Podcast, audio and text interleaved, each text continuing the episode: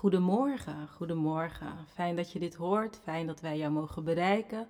Van, fijn dat wij deze boodschap met jou mogen delen. Vrolijk Pasen. Wat betekent dat eigenlijk? Voor ons,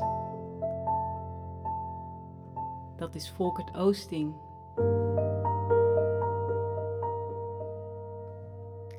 En mijn naam is Daisy Davega. Voor ons betekent het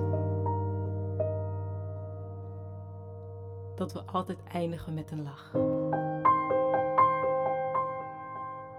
Ongeacht gebrokenheid, ongeacht moeilijke omstandigheden, ongeacht gemis, twijfel,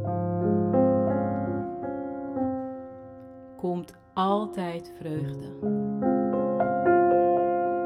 aan het eind.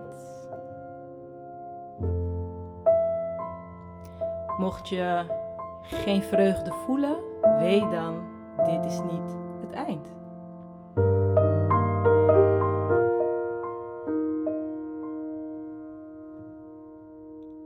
Lach om jezelf, lach om elkaar. Vier je overwinningen. Vier wie je bent, wie je mag zijn, wat je mag doen. Vier het leven. Dit is het enige die je kunt vieren.